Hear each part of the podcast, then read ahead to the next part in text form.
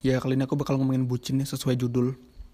Tapi sebenarnya nggak punya masalah sama orang yang ngebucin. Aku lebih sebel sama orang-orang yang ngatain temennya bucin. Mungkin karena semenjak pacaran jadi jarang nongkrong, nggak punya waktu buat temen, video call terus, ngapel terus, gitu-gitu ya biasanya argumennya.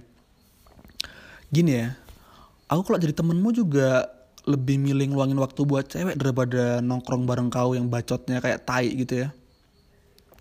Pilihannya terlalu gampang gitu.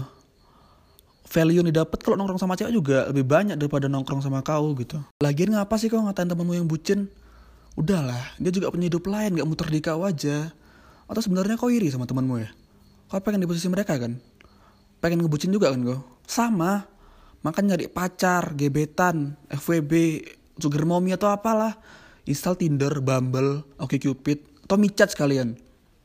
Jadi kok gak nyinyirin temenmu aja. Mungkin ya orang-orang kayak gini masih dengerin lagunya marginal yang judulnya cinta pembodohan atau lagunya fun fun for me yang fucking love. Jadi isi kepala masih terbrainwash sama isi lagu-lagu itu gitu. Terus dijadiin prinsip hidup sampai sekarang makanya goblok. Men lagu-lagu itu udah gak keren lagi sekarang. Anak-anak sekarang tuh dengerinnya Pamungkas, Kunto Aji, Versa Besari.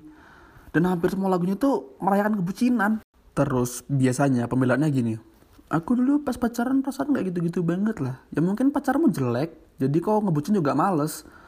Dipamerin di sosmed juga malu-maluin.